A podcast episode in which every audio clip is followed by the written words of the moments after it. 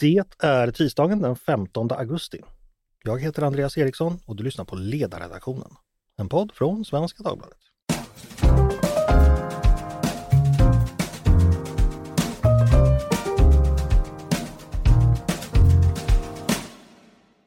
Varmt välkomna till oss igen.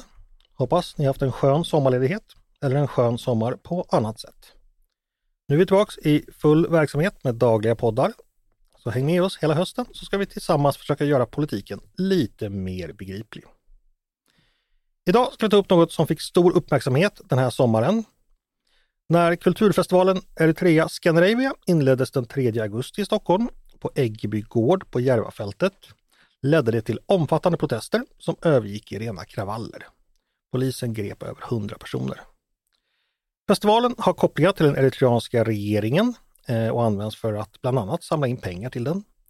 Samma regering som genom olika åtgärder driver en aktiv politik för att påverka och styra och på olika sätt dra nytta av den eritreanska diasporan, bland annat i Sverige. Det här är ett område som jag misstänker att många av oss har ganska vaga kunskaper om. Många blev nog både förvånade och förfärade när de hörde rapporteringen från Järva för förra veckan. Därför tänkte jag att vi idag skulle försöka reda ut situationen och lära oss mer om hur relationen mellan Eritrea, dess regering och den svenska diasporan ser ut. Vi ska också prata om det här fenomenet generellt, för Eritrea är inte det enda exemplet på det här. Flera andra länder bedriver aktivt liknande politik gentemot eh, personer i Sverige som har bakgrund i just det landet. Vad innebär det här för de utsatta grupperna och vad innebär det här för Sveriges säkerhet generellt? Det ska vi alltså reda ut idag och med mig för att göra det har jag först med mig två gäster, Fredrik Malm och Ivar Ekman. Och senare ska jag i podden också intervjua Betlehem Isak. Jag börjar presentera mina första gäster. Fredrik, riksdagsledamot för Liberalerna. Välkommen hit! Mm, tack så mycket! Och Ivar, forskare och analytiker vid eh, FOI, redaktör för rapporten med det långa namnet Diaspora och påverkan från främmande makt. En översikt över fem staters extraterritoriella auktoritära styre. Välkommen du också Ivar! Tusen tack! Vi har ganska mycket att gå igenom. Jag ska bara vi ska kort beröra sommarens händelser.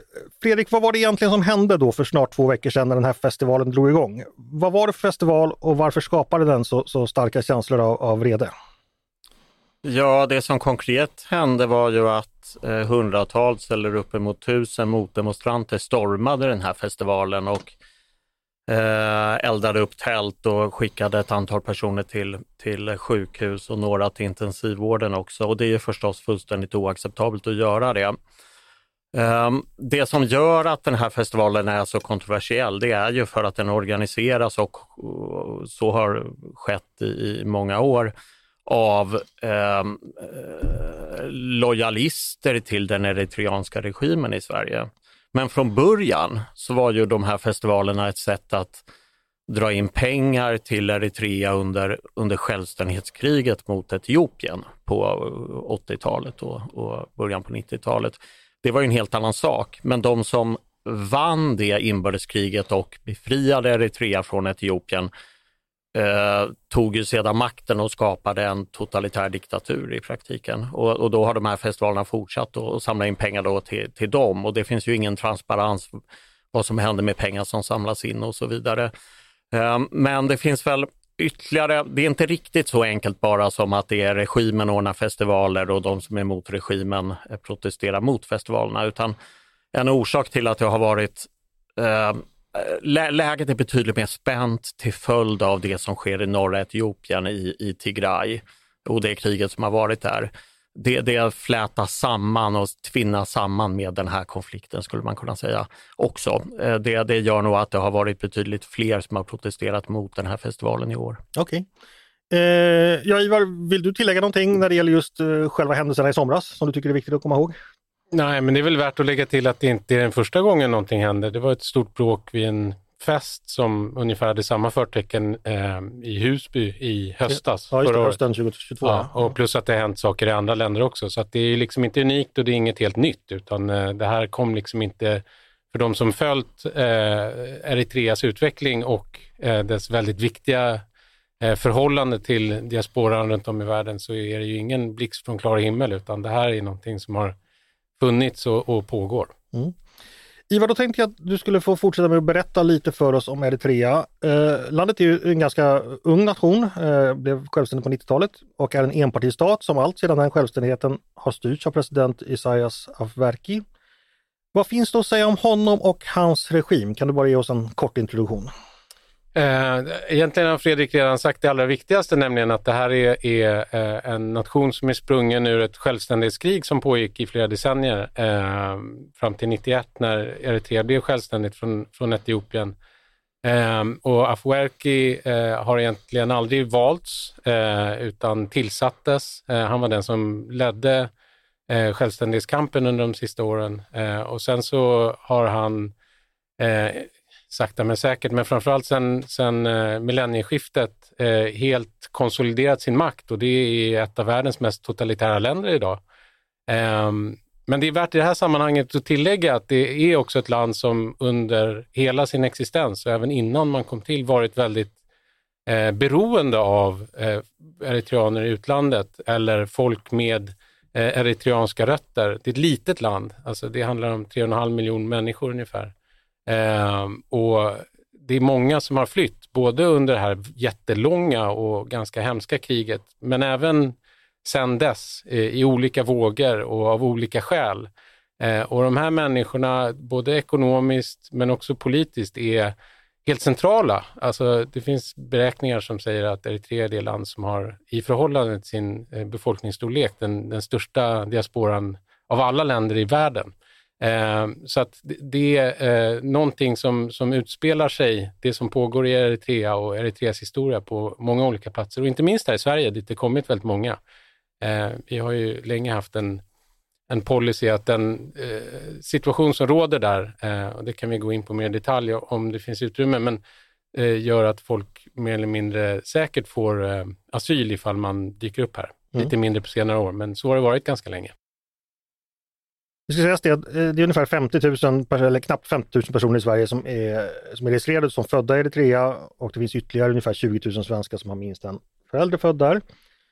Och det är enligt Wikipedia den näst största eritreanska diasporan utanför Afrika. Det, det, finns något fler i Tyskland men annars är det i Sverige. Eh, det ska tilläggas att uppgifterna om såväl Eritreas befolkning totalt som vilken andel av alla som bor utomlands det är väl lite osäkert vad, vad jag har förstått. Men, men jag såg att ni använde 3,5 miljoner i rapporten. Jag såg att det fanns en del hög... Man har aldrig genomfört någon riktig folkräkning och har väl aldrig... Och det är också värt att lägga till, apropå Eritrea, att det är liksom en väldigt slutet land. Det kallas ju ibland Afrikas Nordkorea och det är svårt att veta precis vad som händer och eh, svårt att få några siffror. Alltså det är ett, det är ett land som inte har några transparenta eh, processer för att redovisa eh, vare sig hur det ser ut inne i landet eller vad man beslutar eller vilken väg man tar och sådär. Just det. Ivar, ni på FOI eh, har som jag sa tidigare skrivit en rapport om det här fenomenet med då extraterritoriell auktoritär maktutövning eh, där regimen helt enkelt försöker utöva kontroll över personer som flyttat eller flytt från landet och bor i andra länder. Om vi börjar övergripande, varför är det här ett viktigt ämne att fundera på och forska om? Ja, dels för att eh, vi lever i en tid av globalisering. Det är massa människor som har gett sig av från länderna där de är födda. Eh, och eh, Sverige är ett land som har tagit emot väldigt många. Eh, eller det är många som har kommit hit. Eh, och det andra är att eh, länder, auktoritära stater, eh, den här tiden som kom efter Eh, murens fall när vi trodde att alla skulle demokratiseras. Eh, det har vi ju insett att så är det inte och många auktoritära stater har kommit på att det här inte bara är som det traditionellt var, om vi går tillbaka i tiden, ett hot. Alltså att man var orolig för att folk som hade flyttat ut skulle organisera sig och hota regimens stabilitet, utan att det finns en tillgång i det. Så man har börjat, eh, och det gäller flera olika länder, i allt högre utsträckning att försöka hitta metoder att påverka, styra, hota eh, diaspororna eh, runt om i världen. Eh, och både för att se till att regimen hemma vid fortsätter vara stabil, men också för att nå materiella framgångar och även politiska. Eh, och det där gäller länder som Eritrea. Eritrea är liksom, av de här historiska skälen som vi berörde, ett av eh, ursprungsländerna för det här. Eh, men det gäller också stormakter som Kina och Ryssland och även andra länder som har, har eh, relativt stor diasporabefolkning i Sverige som eh, Syrien till exempel. Mm. Så att det är någonting som både kan innehålla säkerhetshot mot Sverige. Alltså att man till exempel sätter press på folk för att de ska spionera eller göra annat. Men som också, och det kanske är ännu allvarligare, gör att ganska många svenska medborgare inte kan eh, leva fullvärdiga liv, inte kan eh, eh, leva med fullvärdiga medborgerliga rättigheter, utan en del av det som de flydde ifrån följer med dem till Sverige. Eh, och att det är någonting som eh, flera behöver bli medvetna om, för det handlar om många svenskar idag. Mm.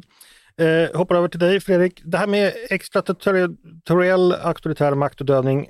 Du har varit verksam och jobbat med utrikespolitik mm. många år. Eh, när började du höra talas om det här och förstå vad det här handlar om? Och, så säga, hur, hur, hur, vikt, hur, hur, stort är det för era politiker? Har ni, har, ni, har ni börjat uppmärksamma det ordentligt?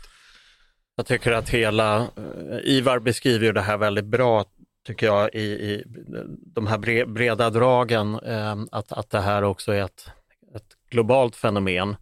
Eh, det, det som är lite speciellt i Sverige jämfört med en del andra länder, det är ju att vi har en väldigt hög grad av asylmottagande och vi har många politiska flyktingar i Sverige.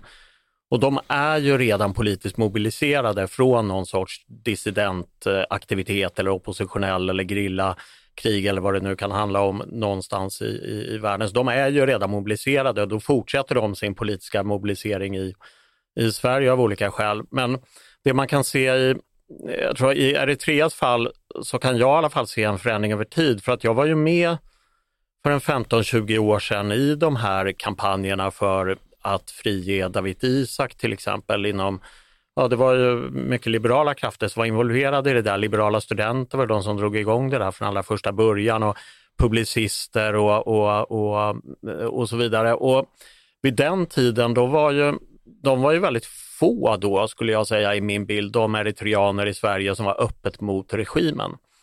Nu uppfattar jag det som att det där har skiftat eh, och det har nog att göra med att den äldre generationen är i högre grad lojala med regimen därför att de betraktar den eritreanska, eh, det eritreanska styret som de som befriade Eritrea från Etiopien. Men nu har det kommit en yngre generation, ofta de här ensamkommande killarna som har kommit, de har ju flytt militärtjänstgöring och det som väntar den yngre generationen, om du är, oavsett kön, om du är 17-18 år i Eritrea, då kan du se fram emot kanske 20-30 år av patrullering längs eh, eh, den etiopiska eritreanska gränsen. Och det, det, det, och det, det, ja, det är ju det är inga lysande framtidsutsikter. Nej, och dessutom så har man såna här rena nordkoreanska eh, regler som innebär att man ska skjuta skarpt om någon till exempel eh, utan papper försöker att eh, springa bokstavligen då in i, i, i Etiopien. Och det, det har gjort att den den jag tror att den stora majoriteten eritreaner som har kommit till Sverige de senaste åren, de har en annan syn på den här regimen än vad den äldre, många inom den äldre generationen har. Jag tror att, så att det, det är liksom det här med diaspora-frågor, det, det kan också skifta över tid. Ehm, och även precis som jag nämnde inledningsvis, den här frågan om Tigray, jag tror inte man kan bortse från den i, i den situation som är nu.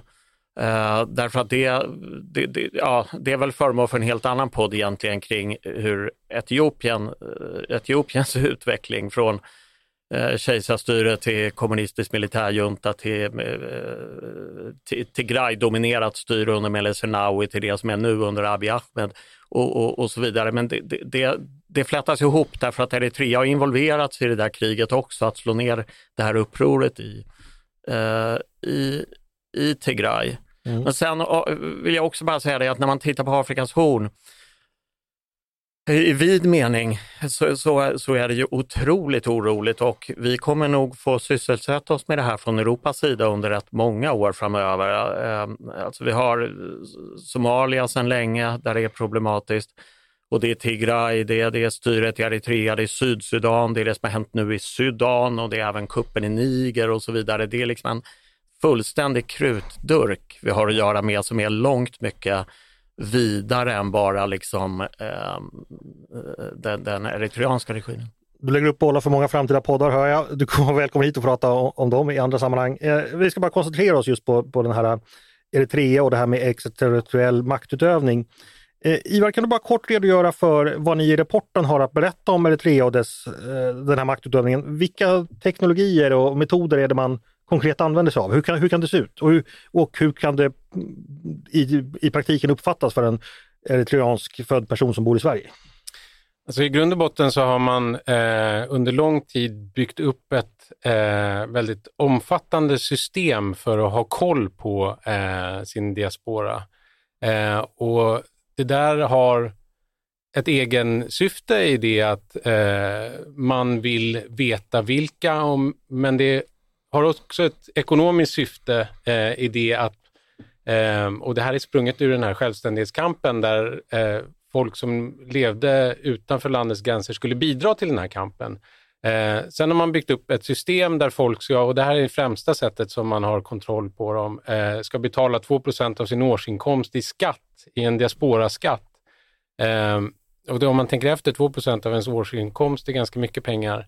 Eh, och det där förmår man folk att göra, även om de inte stödjer regimen genom att det är Eh, helt kopplat till ifall man kan få egentligen någon kontakt med hemlandet. Eh, och det gäller liksom olika former av samhällsservice eller om man ska åka och hälsa på eller eh, genom att sätta press på de släktingar som finns kvar i Eritrea. Eh, så att det här är ett sätt där man lyckas förmå även sådana som är kritiska att betala och när man gör det, när man väl har den här kontakten med konsulatet eh, eller ambassaden så registreras man noggrant och det gäller också eh, sådana som är födda i Sverige eh, och det är liksom ett diasporabegrepp som är ganska vitt, alltså att det går flera generationer. Så att eh, de här siffrorna på de som är födda i Eritrea eller de som har eh, en eritreansk förälder är inte nog för, eh, för hur det ser ut på listorna som finns på, på konsulaten. Men sen så har man även, även sånt som eh, den här festivalen som ju då också har ett ekonomiskt syfte men som också handlar om att eh, skapa legitimitet, om att eh, föra fram eh, regimens bild och ideologi kring varför det ser ut som det gör i landet och sådär. Eh, och som också samtidigt är kopplat till ytterligare övervakning och underrättelseinhämtning. Eh, och det här är ju liksom ett system som är så stort och komplicerat för att det är så viktigt för Eritrea att det det är liksom en helt integrerad del av regimens eh, verksamhet och överlevnad. Eh, att det, det länge har varit så att folk har gett sig av, eh, att det är någonting som man försöker hindra men som samtidigt eh, fyller ett viktigt syfte. Eh, och eh, Det betyder att folk som, som har kommit hit och som har gett sig av för att de eh, just hotades av sånt som Fredrik pratade om, om den här nationaltjänstgöringen eller sådär, eh, fortsätter vara knutna till Eritrea, vare sig de vill eller inte. Mm. Bara en praktisk fråga där som jag är lite nyfiken på. Hur administreras det här? Är det via så att säga, den officiella eh, diplomater som befinner sig i Sverige eller skickar man hit folk undercover som, som driver in den här skatten eller hur fungerar det? Alltså skatten går genom officiella kanaler. Eh, det skulle jag gissa, nu är inte jag en expert på hur eh, konsulaten eller de här andra officiella representanterna jobbar, men, men jag skulle gissa att det är eh, en helt central del av deras verksamhet, om inte nästan den enda. Mm. Eh, men sen så finns det ju andra kanaler också. Det finns olika organisationer eh, och det här är ju, om vi pratar om det bredare, eh, när det gäller påverkan riktad mot diasporor så är det ju ofta så att det eh, finns hemlandsorganisationer, föreningar sådär, eh, som i olika grad kontrolleras av eller tas över av eh, regimerna som det handlar om. Eh, och så jobbar man även på det sättet. Eh, nu är inte jag säker precis vilken förening det var som stod bakom den här eh, eh festivalen på Järva, men det är nog ett sånt typiskt exempel. Det var inte organiserat av, eh, av några officiella representanter här, utan det är eh, snarare föreningar som gör sånt. Okay. Fredrik, du har ju motionerat i riksdagen vet jag om att kriminalisera den här typen av påverkansmetoder. Vilka är det konkret du vill förbjuda och hur tänker du sig att det ska gå till i praktiken? Ja, men det finns flera problem med det här. IVA berör ju eh, det, det mesta av det. Det är ju också det att om, om en svensk bosätter sig utomlands, ja då har ju vi ofta skatteavtal med det landet och, och man har liksom en skatteindrivning som är normal om jag uttrycker det på det mm. sättet. Det här menar jag handlar snarare om en form av eh, eh, utpressning eller det går i alla fall långt utöver vad som är rimligt sätt att, att eh, bedriva en, en, en, en skatt eh, på. Eh, och, och det var det jag, jag var med i radio häromveckan Eh, på Sveriges Radio, då, då sa jag det om, om Bandidos kommer hem och knackar på din dörr och säger ge mig 2% av din inkomst, då betraktar vi det som utpressning. Men om eritreanska ambassaden och, eh, knackar på hos en svensk eritrean och gör samma sak, säger samma sak, då är det på något sätt eh, inte olagligt. Jag, jag, tycker att detta är helt orimligt. Sen hur exakt, det, det får man ju utreda, men det är uppenbart att vår lagstiftning inte räcker till därför att eh, åklagare la ju ner en förundersökning eh, om eh, detta för, jag vet inte om det var en 6-7 år sedan eh, och då fanns ju bland annat eh, man hade ju spelat in med dold kamera bland annat inne på ambassaden hur det gick till och så vidare. Sen är det ju det att det här systemet som Eritrea har, det reproducerar ju sig självt därför att från början byggde det på de, eh, man, man eh, distribuerade såna här identitetskort då när man hade en folkomröstning om självständighet i början på 90-talet. Det betyder att eh, en person som är född i Sverige till exempel av eritreanska föräldrar, kanske tio år senare, har ju då inget sådant identitetskort. Men så fort den personen behöver någon kontakt med eritreanska myndigheter, kanske åka, åka och hälsa på släktingar en sommar eller någonting sånt, vilket eh, skulle kunna vara fallet, till exempel åka på en begravning eller något sånt där, då måste den personen köpa in sig i det här systemet och då blir den skattpliktig till eritreanska diktaturen för resten av sitt liv. Och det menar jag, vi, vi har, jag, jag har som politiker och Sverige som stat har, har ju ett ansvar för att upprätthålla den svenska grundlagen och den svenska rättssamhället och det innebär ju att om du är född i Eritrea eller om du är född i Sverige spelar ju ingen roll om du är svensk medborgare ska du ju åtnjuta samma skydd. Det här är ju likhet inför lagen som vi talar om här som sätts ur spel eh, för, för eh, den, här, den här gruppen. Och jag tycker inte det spelar egentligen så stor roll hur många som betalar eller inte betalar. Jag tycker bara det faktum att det här fenomenet liksom existerar här. Mm. Ett sätt man skulle kunna göra dock, eh, Andreas, eh, väldigt, väldigt kort, det, det, är ju att gå på den diplomatiska sidan då helt enkelt liksom, ja, stänga ambassaden eller köra ut diplomater, försöka på det sättet då minska förekomsten av den här verksamheten. Det, det, det är ju ett sätt man skulle kunna tänka sig att göra. Så har man gjort i, om det var Kanada tror jag, som har gått den vägen bland annat. Mm. Det leder oss in till att vi ska gå vidare och lyfta blicken lite och titta på det här fenomenet generellt.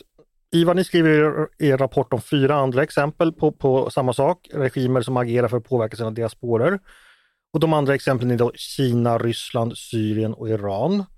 Eh, jag förstår att det här är ett jättestort ämne, men om det går att kort sammanfatta, eh, hur omfattande är den här typen av agerande generellt mot svenskar med bakgrund i dessa länder? Och, och även vilka, ja, går, går det att säga någonting om eh, vilka strategier man använder sig av från olika håll? Låt mig svara på den andra frågan först eh, eftersom den, den är lättare att svara på. Eh, vi delar in det i tre kategorier där det handlar om dels förtryck, eh, alltså hot och underrättelseinhämtning och mord sker ju också i sådana här sammanhang. Eh, lite beroende på vilka länder vi pratar om, men jag menar, Ryssland är ett exempel på ett land där eh, man då och då hört om någon som har skjutits ihjäl i en park i, i Berlin eller eh, förgiftats i någon liten stad i England. Eh, den andra kategorin är, är legitimerande verksamhet, alltså som eh, delvis just den här eh, festivalen och sen så finns det koopterande där man knyter folk till regimens verksamhet. Det är väl eh, någonting som Kina är det främsta exemplet på, men, men det förekommer att andra länder gör också. Alltså att där man ger fördelar mot att man för fram ett budskap eller verkar för eh, regimens bästa på något sätt i eh, det land man bor i.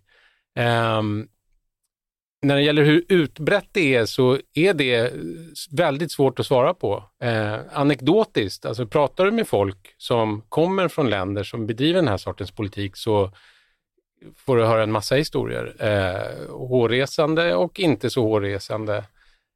Um, men det finns egentligen ingen eh, sammanställning, eh, egentligen inte någonstans ifrån, kring det här fenomenet som helhet. Eh, det är intressant för det har börjat gå upp för flera demokratiska länder att det här är någonting som man behöver ta sig an, inte på eh, ett eh, en fall till fall-basis. Alltså nu har det hänt något, nu behöver vi titta närmare på just Eritrea eller nu, nu har eh, eh en eh, kines utvisats för flyktingspionage eller sådär och vad är problemet med Kina? Utan att det finns systematiska problem som rör det här fenomenet. Eh, och, och, Norge är ett land där man just börjat fundera på hur ska man fördela ansvaret mellan myndigheter när det gäller att liksom dels samla in kunskap, hur ska man fatta hur stort det är, hur många det är, för det är ju ganska komplicerat. Bara att vi sitter och pratar så länge om Eritrea visar ju att, att det finns massa detaljer kring varje fall som är viktiga. Men Sen också hur ska man göra någonting åt det? Att det inte mm. bara är polisiärt. Säpo vet mycket om det men det räcker liksom inte för att det sker sånt som inte alltid bryter mot lagar men som ändå är problematiskt för att det just begränsar folks möjlighet att leva ett fullvärdigt liv i en demokrati. Mm. Det är alltså ett fenomen då som man börjat upptäcka och titta mer på nu. Vet vi någonting om verksamma motmedel? Finns det någon internationell best praxis som har utkristalliserat sig än? Fredrik pratar exempelvis om man kan agera gentemot eh, diplomater och så vidare. Så vet vi någonting om det? Vad funkar helt enkelt? Ja, alltså det finns ju en del fall där man har börjat handskas mer, eh, mera rakt på och då hänger det ofta ihop med att problemen har blivit så stora så att det går inte riktigt att, att blunda för längre. Eh, och Australien är ett exempel som brukar lyftas fram eh, i förhållande till eh, de ganska eh, uppenbara påverkanskampanjer eh, som bedrivits från Kinas håll eh, när det gäller att liksom knyta både kinesiska studenter i Australien och eh, Australienfödda eller australiensiska medborgare men med kinesisk koppling till eh, kommunistpartiets agenda. Eh, där är lagstiftningen ganska skarp, den som man har infört när det gäller just eh, försök att påverka det politiska systemet.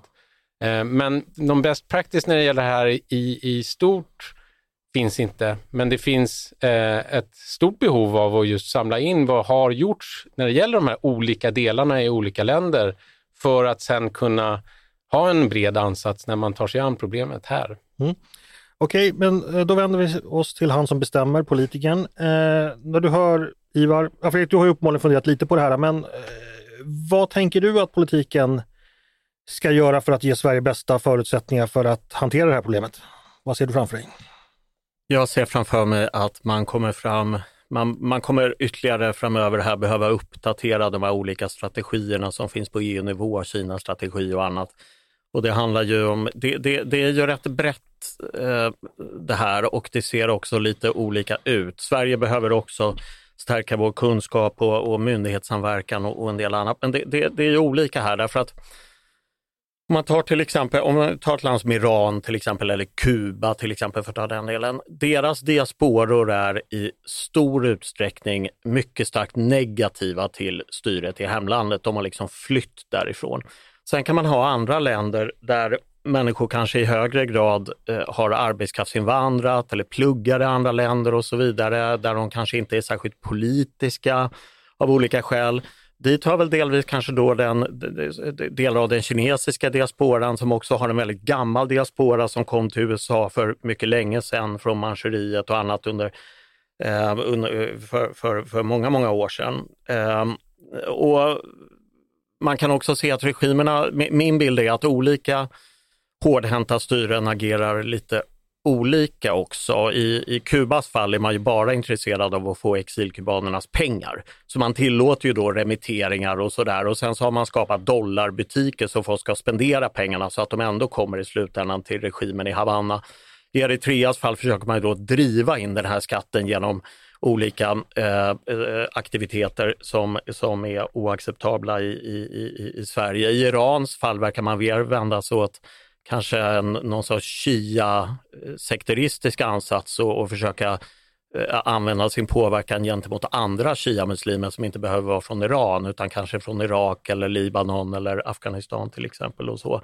I Turkiets fall, den turkiska diasporan i Sverige är i grova drag tredelad mellan turkiska arbetskraftsinvandrare som kom på 50 och 60-talet och, och, och, kurdiska flyktingar efter militärkuppen 1980 och en ganska stor kristen syriansk, assyrisk, eh, kaldeisk eh, diaspora och, och de har, kan ha helt olika uppfattningar om styret i, i Turkiet också. Så jag tror det, det, det ser väldigt, väldigt olika ut men, men, men det som till syvende och sist vi måste ha fokus på i Sverige, det är ju att skydda integriteten för de som är medborgare i vårt land. Och då eh, är det orimligt att vi har stater som använder sina ambassader eller of officiella liksom, myndigheter och annat till, att i praktiken utöva förtryck över människor som är medborgare i, i Sverige. Och, och, Det är ju därför den här rapporten från FOI är väldigt bra och det har kommit flera sådana här rapporter från olika håll nu och, och fram, vägen framåt skulle jag säga finns både i Sverige och inom, inom Europasamarbetet. Mm. Eh, Ivar, ni från akademins sida och från forskningens sida, vad, vad tycker du, eh, vad behöver vi lära oss mer? Vad behöver vi gräva djupare någonstans? Ja, men nästa steg eh, tror jag just är det som vi gör här, nämligen att mer i detalj förstå situationen här. Eh, för att det är lätt att det fastnar i antingen helt landspecifika diskussioner eller i diskussioner som handlar om det globala fenomenet. Alltså hur, hur ser det ut eh, i länder som USA eller Australien? Men vi har en situation som är som den är. Sverige är ett speciellt land. Vi har, vi har vår egen sammansättning av eh, vår befolkning, av var folk har kommit ifrån, eh, vilka stora grupper som finns som har rötter i andra länder. Eh, och de har sin situation här och, och, den kunskapen behöver verkligen fördjupas. Det är det första steget. Alltså det är först när man, när man börjar få grepp om hur det ser ut eh, i detalj på marken, i, var, i vardagen, i folks liv, eh, som man kan börja formulera en, en, politik eller en praktik som kan göra någonting åt det här tror jag. Mm. Alldeles utmärkt. Eh, ni ska ha stort tack för att ni kom hit. Och jag har också med mig idag Betlehem Isak som är journalist och själv har familjeanknytning till Eritrea. Tänkte fråga dig lite om det vi pratade om tidigare på podden. Om vi börjar med, med, med händelserna i Stockholm för, förra veckan. Vad var det egentligen som hände då? Vad var det för festival som anordnades och varför var så många kritiska mot den? Alltså den festivalen som anordnades eh, är ju, den anordnas av regimtrogna eritreaner. Mm. Eh, alltså de eritreaner som tycker att den nuvarande ordningen i Eritrea är bra. Eh, samtidigt då som de eh, människorna lever här, alltså i ett av världens mest demokratiska länder, mest liberala länder, eh, mest jämställda länder. Eh, så mm, ja, de anordnar den och, eh, och där så är det ju att man samlar in eh, pengar och man bjuder in också, och det gör man genom att man liksom bjuder in jätte kända eritreanska artister och kulturpersonligheter och poeter, författare. Um, så det är liksom lite som en folkfest och det säljs mat och dryck och så finns det ett litet tivoli som barnen kan um, ja, roa sig med. Och sen så, uh, ja, så finns, hålls det liksom lite seminarier och så. Men uh, ja, det är inte mer än det. Men eh, uh, ja, det, det, som är grejen med den här festivalen är ju att den är känd för att samla in pengar till den eritreanska regimen. Och som mm, därmed också får de fortsätta förtrycket av uh, eritreaner hemma i Eritrea. Uh, och de som demonstrerar är ju den här nya generationen då som, ja, som är väl i min ålder kanske lite äldre, 80-talister, 90-talister och ja, de som är lite yngre. Um, och det är ju de som har flytt från Eritrea de senaste tio år, eh, åren. Um, eritreaner är ju den gruppen som har liksom invandrat till Sverige de senaste åren. Med flest efter syrier, iraker till exempel. Uh, och, det, och det som skiljer Eritrea från de här länderna är ju att det är inget krig förutom det senaste året då i Tigraykriget. Men annars har det ju inte varit krig utan Eritrea brukar ju kallas ehm, eh, Afrikas Nordkorea vilket innebär då att det finns inga mänskliga fri och rättigheter. Det finns ingen eh, demokrati, det finns ingen Alltså i Eritrea så, man brukar säga att i Eritrea så fängslas man för att tänka.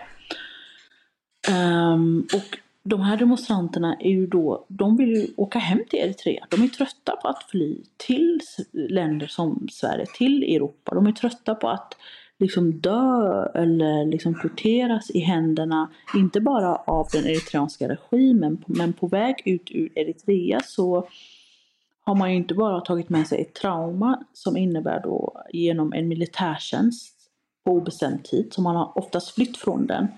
Och sen så flyr man till norra Afrika, väldigt osäkra vägar och där hamnar man många gånger i händerna på slavhandlare, människohandlare som kanske tar ut ens organ, man kan bli våldtagen, man kan bli, ja det är mycket som händer helt enkelt. Man kan bli mördad om inte ens familj liksom betalar en summa pengar för att få ut en. Och sen då så kommer man till Europa där man välkomnas av, ja alltså i, i, liksom EU-politiken vill ju inte ha eritreaner här. Man vill ju inte ha folk som flyr hit. Eh, så det är ju liksom, och man är trött på det. Man är trött på att dö i Medelhavet. Man är, vi, många eritreaner, den nya generationen, de som demonstrerar av den här gruppen då som heter Birgit Nahmedo, de, de är ju, de är ju liksom, de ser ju liv, eh, det är vi eller dem nu. Alltså regimen eller oss. Mm. Deras filosofi är ju liksom att vi vill ha tillbaka vårt hemland. Vi vill bygga ett fritt, demokratiskt, liberalt Eritrea där de mänskliga fri och rättigheterna respekteras. Du, du, du, du säger flera gånger den nya generationen. Är, är, det främst så man ska förstå det här att det handlar om så att säga äldre mot yngre? Är, är det en... Nej, absolut inte. Det finns massa äldre som också är med oss och som vill att Eritrea ska utvecklas och bli demokratiskt och bli fritt. Okej, eh, det har ju pratats mycket om, bland annat i den här podden, hur den eritreanska regeringen aktivt försöker påverka och, och styra den eritreanska diasporan i Sverige och även på andra platser. Mm. Eh, kan du berätta lite om det? Hur, hur brukar det gå till eller vad, vad vet vi om det? Ja, man, man, man utövar ju en kontroll, främst genom pengar. Och då är det ju att man betalar 2% av sin årsinkomst eh, som eritrean. Och det är för att om du inte gör det så, så kan du straffas. Eller din familj hemma i Eritrea kan straffas. Eh, och du får inte ut liksom pass eller legitimation som du måste ha för att komma in i Eritrea. Eh, så det, det här är ju, det, det, är ju liksom, det är ju kriminellt. Hade, hade, hade, hade liksom, hade valfri kriminellt gäng gjort det här i Sverige så hade man liksom gjort allt för att sätta stopp för det. Men när det är en av världens värsta regimer i modern historia så gör man ingenting. Det här sker helt lagligt via de svenska bankerna. I Kanada så gör man ju vissa grejer för att eh, det här ska liksom... Eh, man har liksom tagit åtgärder så att det här blir mycket, mycket svårare att göra. Um, och i Sverige så måste man ta liknande åtgärder. Det är kolla på Kanada och se hur de har gjort. Mm. Du, en annan sak som pratas mycket om det är det här kravet på militärtjänst. Eh, och att man då kan hamna och bli, vad jag förstår, inkallad ja, för evigt nästan, eller väldigt många år. Kan du berätta lite mer om det? Vilken roll spelar det? Ja, man, kan, man kallas in oftast, det beror ju på liksom, men det, man kallas ju oftast in när man är under 18. Så man är alltså barnsoldat helt enkelt. Eh, och sen så är du där på obestämd mm. tid.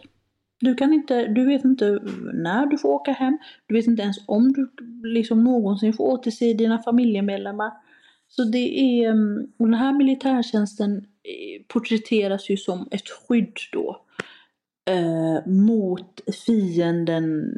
Förut var det Etiopien, sen var det liksom, och innan dess var det USA och eh, USAs vänner och att man är emot det här lilla landet på uh, Afrikas horn. Uh, och att vi är ensamma liksom. Så det är ju väldigt mycket propaganda, man kör mycket propaganda genom den här militärtjänsten. Ehm, men där vet man ju också att människor dör av psykisk ohälsa, människor dör av svält. Ehm, man torteras, man, säger man emot så kan man fängslas på obestämd tid. Så det, den här nya organisationen som heter Birgit, de, de säger ju att eh, det här går ju emot alla mänskliga fri och rättigheter som vi känner till det. Och det går till och med emot de eritreanska lagarna där militärtjänst ska vara på, på bestämd tid. Gäller det här bara killar eller är det kvinnor också? Nej, det är, det är, det är kvinnor också. Eritrea var ju, Eritreaner var ju ett av de första um, frihetsrörelserna där kvinnor ingick i liksom, försvarsmakten lika mycket som män. Mm. Okay. Så det är både kvinnor och män. Och det, de som liksom kommer undan det här, det är ju liksom kvinnor som är gifta. Det är de enda.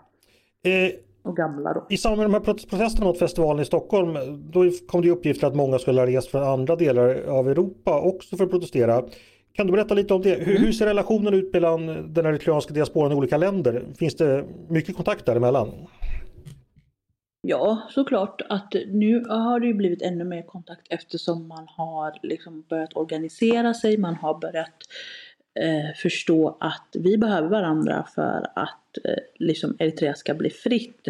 Så jag blev faktiskt väldigt besviken på svensk media som faktiskt rapporterade väldigt ensidigt tycker jag eftersom man eh, liksom man pratar om ett invandringsproblem.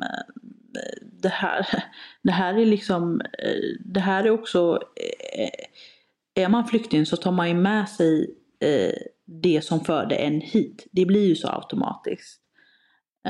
Och jag tycker ju att EU och liksom Sverige som har ett av de största eritreanska diasporerna har ett ansvar här och hjälpa oss demokratiska eritreaner.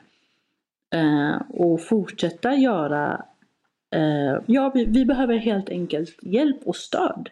Eh, den här regimen ska inte till exempel få bistånd från EU. Mm. Och det ska bli svårare för eritreaner att betala, eller det ska inte ens gå att betala den här 2% skatten. För, för man, för, man fortsätter, för man hjälper bara till och fortsätter till att det här förtrycket fortsätter nere i Eritrea. Det, det, var ju trots allt, det är ju trots allt många människor som samlas på den här festivalen. De som går dit, är det uttryck för att man är lojal med regimen eller handlar det också om människor som bara är, ja, vill dela en kulturupplevelse med, med andra? Alltså, eller hur ska man tolka det? Alltså jag tror, jag, jag tror faktiskt inte den här frågan hade ställts om det hade varit svenska fascister. Om du hade ställt en, en, en svensk fascist och sagt till honom Ja men, eller henne, eh, ja men stödjer du fascismen eller är du bara där för att uppleva kultur? Nej, så man ska se det som att det är lojalitet ja, mot regimen helt enkelt? Absolut, absolut. Det här, det här är en fascistisk regim som förtrycker sitt eget folk. Som gör det på de värsta sätten som vi ens kan föreställa oss. Och jag tror medierna måste liksom bli bättre på att förstå vad det är som händer. Och ge en nyanserad bild för det, är, det, är, det, blir, det blir väldigt förenklat här. Och sen säger jag bara så här att jag stödjer inte våld men bara för att man inte stödjer våld betyder inte, bety, behöver inte betyda att man inte förstår varför det uppstår.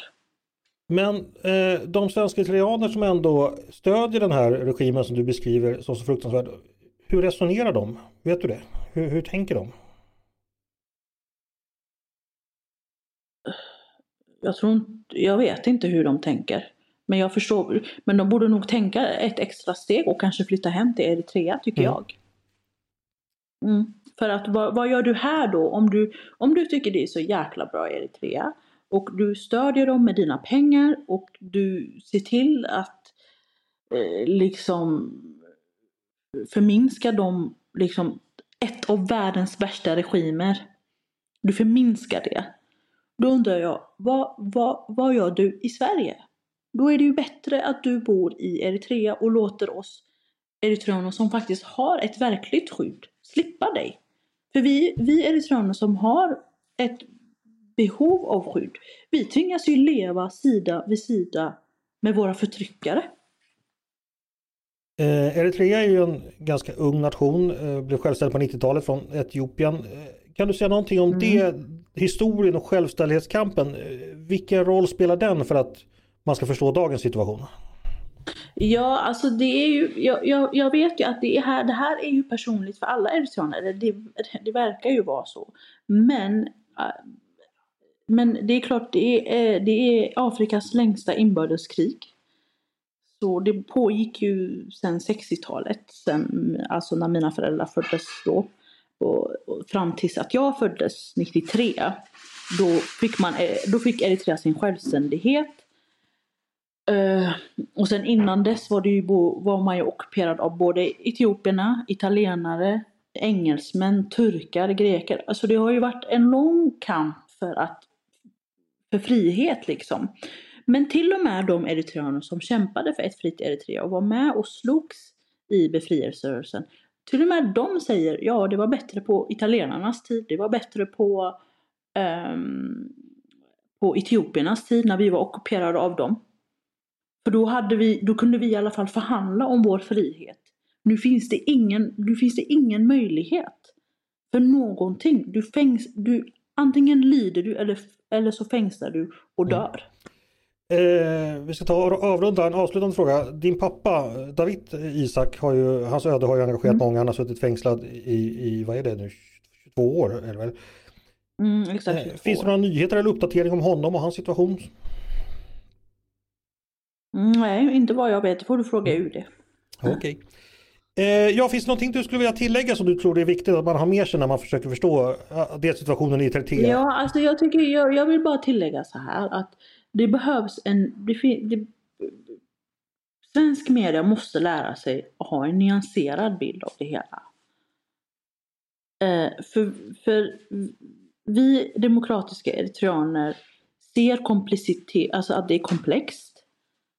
Och att det behövs mer och mer eh, det behövs att man liksom tittar på forskningen, tittar på vad är det som händer där nere egentligen? Varför är så många människor så arga över hela Europa? För de här protesterna har ju varit i USA, de har varit i Kanada, de har varit i Australien, de har varit över hela Europa. Så det är dags för liksom medierna att vakna och de europeiska staterna att vakna, de demokratiska staterna att vakna. Stort tack för det Betlehem Isak för att du ville komma och gästa podden idag. Tack till er som har lyssnat också på dagens avsnitt av Ledarredaktionen. En podd från Svenska Dagbladet. Ni är varmt välkomna att höra över till redaktionen med tankar och synpunkter på det vi precis diskuterat. Eller om det är så att ni har förslag och idéer på det vi ska ta upp i framtiden. Då är det bara att mejla till ledarsidan snabla svd.se. Dagens producent, han heter Jesper Sandström. Själv heter jag Andreas Eriksson och jag hoppas att vi hörs igen snart.